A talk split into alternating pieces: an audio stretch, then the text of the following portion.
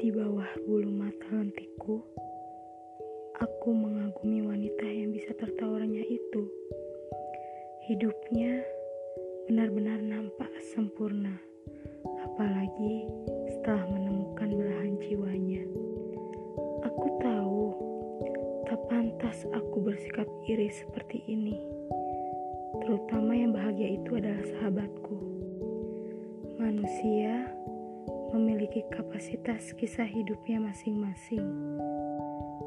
Tak sepantasnya aku mengeluh seperti ini ketika yang lain tampak kuat dalam memikul beban hidup yang sebegitunya, bukan berarti yang lain harus serupa menjalaninya. Kini aku merasakannya. Perasaan sesak, perasaan menjadi kecil ketika menyandingkan diri dengan banyak manusia hidupnya sudah jauh bergerak. Bergerak seakan meninggalkan kita jauh di belakang. Belum lagi banyaknya kepergian belakangan terjadi dalam hidupku. Aku tahu memang sudah jalannya manusia datang dan pergi. Dan mungkin inilah perjalanan panjang yang aku lalui sampai detik ini.